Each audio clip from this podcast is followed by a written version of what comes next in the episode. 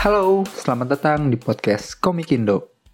Kali ini gue mau bawa komik yang bisa dibilang adalah pintu pembuka buat gue yang penyuka komik shonen ini untuk mulai ngelirik komik-komik Indonesia. Komik yang mau gue bahas kali ini berjudul Wind Rider karya Is Yuniarto dan John G. Reinhardt.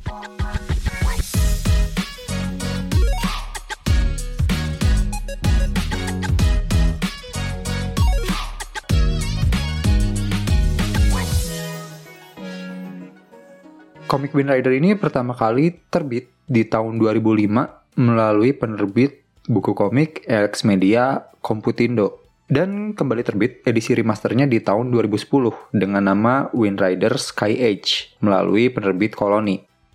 Kedua edisi ini punya cerita yang sama, perbedaannya untuk edisi remaster ada penambahan tone, perubahan lettering, dan redraw di beberapa bagian. Komik ini sendiri menceritakan tentang kisah negeri di atas awan, di mana tinggallah seorang pemuda yang punya keinginan untuk bisa memahami angin sebagai seorang wind rider. Komik ini menggunakan setting di tahun 284 abad langit, di mana pada saat itu hujan asam terus-menerus turun dan mengakibatkan daratan menjadi rusak, sehingga tidak bisa ditinggali lagi oleh manusia. Gue pertama kali baca komik ini pas awal-awal gue masuk SMP lah. Waktu itu kakak gue nyodorin komik Wind Rider ini. Gue sama kakak gue emang udah suka beli komik dari kecil. Gue awalnya nggak mikir apa-apa sih pas disodorin komik ini. Ya gue baca aja. Terus pas udah beres, tiba-tiba kakak gue nanya, Gimana? Gue dalam hati, ih anjir aneh banget. Tumben-tumbenan gue baca komik sampai ditungguin. Ya komentar gue waktu itu, oke, okay, bagus-bagus aja kok. Terus abis itu dia nyuruh gue buat ngeliat bagian pengarangnya. Pas gue baca, Is Yuniarto. Terus gue sama kakak gue liat-liatan gitu sambil kegirangan sendiri. Nggak ngerti kenapa. Yang bikinnya bukan kita. Kita pun nggak kenal yang bikinnya. Sebatas tahu orang Indonesia bikin komik petualangan dengan standar yang bagus aja ngebuat kita seneng gitu. Oke, okay, mungkin pembahasan soal komiknya bakalan gue mulai dari universe-nya dulu kali ya. Soalnya gue ngerasa semua elemen penting dari Wind Rider ini disokongnya sama konsep universe-nya gitu. Kayak yang gue bilang tadi, di universe-nya Wind Rider ini orang-orang ngebangun peradaban di atas awan. Dan dengan kondisi kayak gini, akan sangat masuk akal kalau ada orang yang kepengen bisa memahami angin gitu ya orang yang hidup di atas daratan juga nggak apa-apa sih mau memahami angin. Cuma ada kebutuhan lebih nggak sih buat orang-orang yang hidup di langit? Ya mereka mau bertransportasi atau ngapain juga sering banget berurusan sama angin kan. Terus kayaknya untuk universe-nya ini lumayan banyak ngambil referensi dari Rusia ya. Ya mulai dari nama karakter, pakaian, sampai konsep bangunan juga dan menurut gue referensi yang dipakai tuh cocok gitu dengan konsep negeri di atas awan. Kayak pakaian aja. Di Rusia kan banyak pakaian tebel berbulu gitu. Karena emang wilayahnya dingin kan. Dan negeri langit juga kalau secara logika sih harusnya lumayan punya masalah dengan suhu rendah juga ya. Untuk bangunannya juga negara Rusia kan bangunannya ada yang make kubah-kubah gitu kan. Dan buat negeri yang hitungannya di atas awan, terus banyak berhubungan dengan baling-baling dan balon itu masih masuk banget sih. Terus konsep transportasinya yang pakai skybike ini juga juara banget sih. Yang penampakannya kayak motor tapi dipakai buat terbang gitu. Karena kalau dari penjelasan di komiknya, awal mula komik ini dibuat tuh dari konsep art tentang orang-orang yang ngendarain skybike ini kan. Jadi ya keren aja dari konsep Skybike akhirnya bisa ngebuat konsep universe yang cukup firm dan ngebikin semua elemen di komik ini jadi jalan gitu. Terus untuk karakternya menurut gue buat komik yang hitungannya one shot, karakter di komik ini bisa dibilang cukup banyak ya.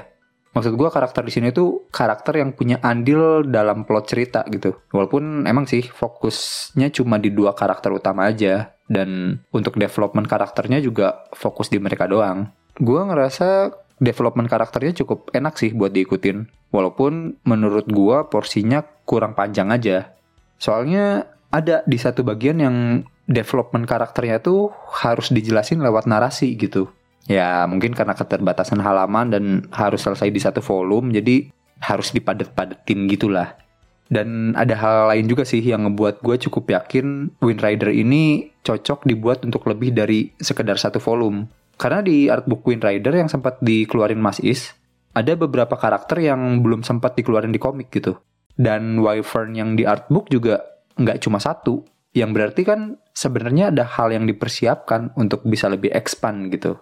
Oh iya, sama ada satu hal minor yang menarik perhatian gue sih terkait karakter ada di salah satu scene si karakter utamanya ini Row nggak tahu kenapa ya dia nurut-nurut aja gitu pas disuruh si karakter ceweknya Mel buat ngekorin penjahat gitu.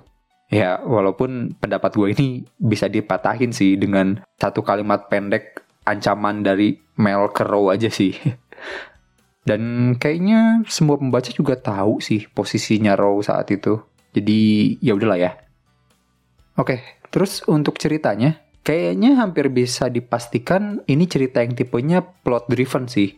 Ya kan soalnya petualangan para karakternya ini tersusun dari kejadian-kejadian yang dalam tanda kutip kebetulan harus mereka hadapin gitu, baik di masa lalu ataupun di masa sekarang. Dan kejadian-kejadiannya juga inline sih, saling berkaitan satu sama lain gitu. Jadi enak aja buat diikutin. Dan pas dia mau nge-reveal sesuatu, pembacanya juga enak gitu nerimanya karena udah sempat ada hint atau kepingan penjelasan di chapter-chapter sebelumnya. Cuma mungkin ada sedikit hal yang mengganggu gue sih. Ya mungkin karena gue kurang bisa ngebedah lokasi atau gimana, tapi gue kepikiran sama kejadian Raw waktu kecil sih. Ini spoiler tipis-tipis aja nggak apa-apa ya. Jadi kan sempat ada flashback di mana Raw ketemu sama om-om yang ngajarin dia soal Wind Rider. Terus di scene lain sempat diceritain juga si om-om ini pergi dari satu tempat. Nah, mungkin karena kejadiannya sekuensial dan digambarin di panelnya yang sebelah-sebelahan ya. Jadi gue ngerasa kejadian si om-om cabut dari tempat aksi sampai dia ketemu sama Row itu kayak dalam waktu dekat gitu. Padahal kalau ngikutin perjalanan dia di komik, dari kota tempat tinggal Row sampai tempat aksinya si om-om itu, lumayan jauh kayaknya. Jadi ya bukan ketidaksinkronan sih, cuma mungkin keterangan jarak dan waktunya aja nggak nyampe ke gua gitu. Ya itu aja sih. Jadi menurut penilaian gua pribadi, komik ini tuh komik yang kualitasnya oke. Okay. Cukup sayang kalau lu lewatin gitu aja. Hal yang paling gua suka dari komik ini tuh udah pasti konsep artnya mulai dari konsep vehicle, konsep gedung, universe, ini top banget sih.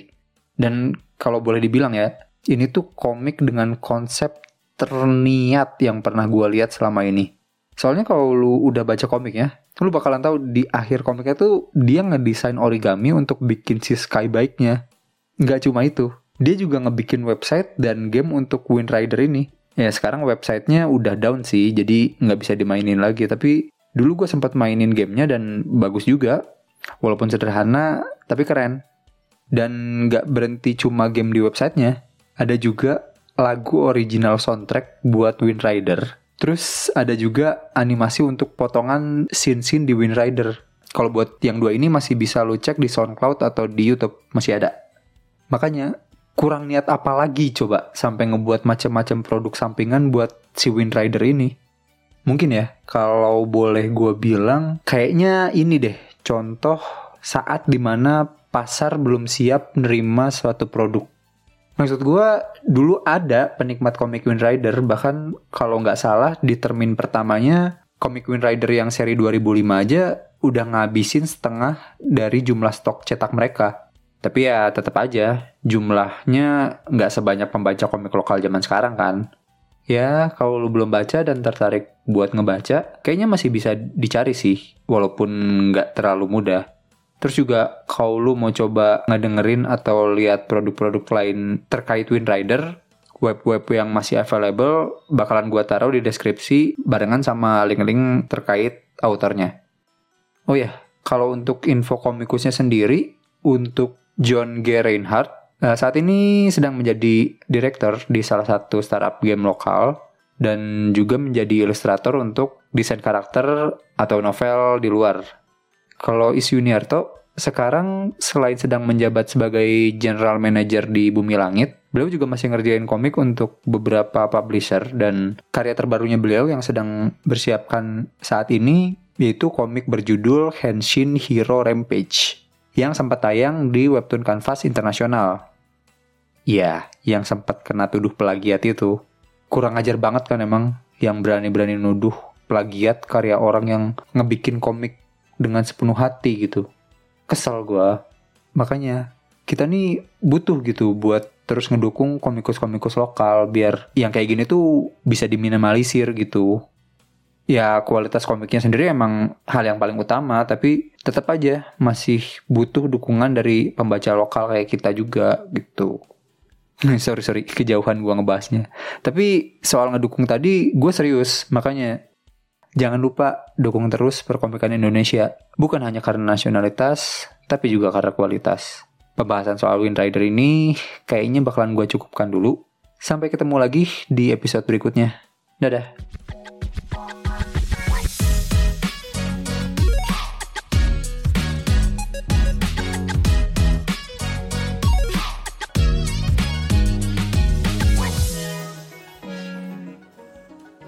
Okay, untuk side notes kali ini mungkin gue mau lebih banyak berterima kasih aja sih ke Mas Is dan ke Mas John karena udah berhasil ngeluarin komik Wind Rider ini gitu.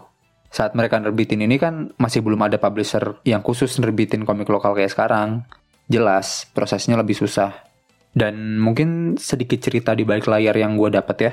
Konsep komik mereka ini sempat ditolak tiga kali selama kurang lebih setahun lah sampai akhirnya tembus gitu. Dan selama pengerjaannya juga yang makan waktu setahun, mereka ngerjainnya tanpa ada asistensi gitu. Jadi sedikitnya bisa kebayang lah perjuangan dan dedikasi mereka tuh kayak gimana. Oh ya ini gue nggak mau menyalahkan pihak mana-mana ya, karena emang kondisinya industrinya lagi kayak gitu di masa itu. Jadi ya harus ada yang berkorban gitu. Dan buat gue mereka berdua sih pahlawan yang mau berkorban untuk perkomikan Indonesia. Dan gua rasa gua nggak berlebihan nyebut kayak gitu. Soalnya karena komik Wind Rider ini komik Indonesia yang pertama gua notice, jadinya setelah itu tuh gua mau untuk nyoba terus komik-komik Indonesia yang ada di toko.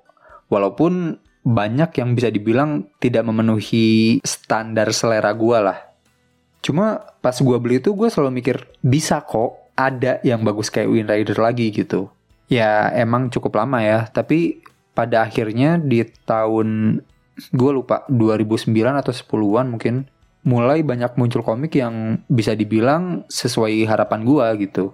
Soalnya ada juga orang yang karena pada masa-masa itu banyak yang jualan komik lokal pakai embel-embel karya anak bangsa dan kualitasnya nggak terlalu oke, okay, itu tuh ngebuat sebagian orang ogah gitu buat beli komik-komik lokal lagi. Gua beruntung bisa nemuin Rider sebelum itu. Mungkin kalau gua nggak nemuin Rider duluan, gue juga bakalan ngalamin masa di mana gua alergi sama komik lokal sih. Makanya, sekali lagi terima kasih banyak Mas Is dan Mas John. You are hero for me.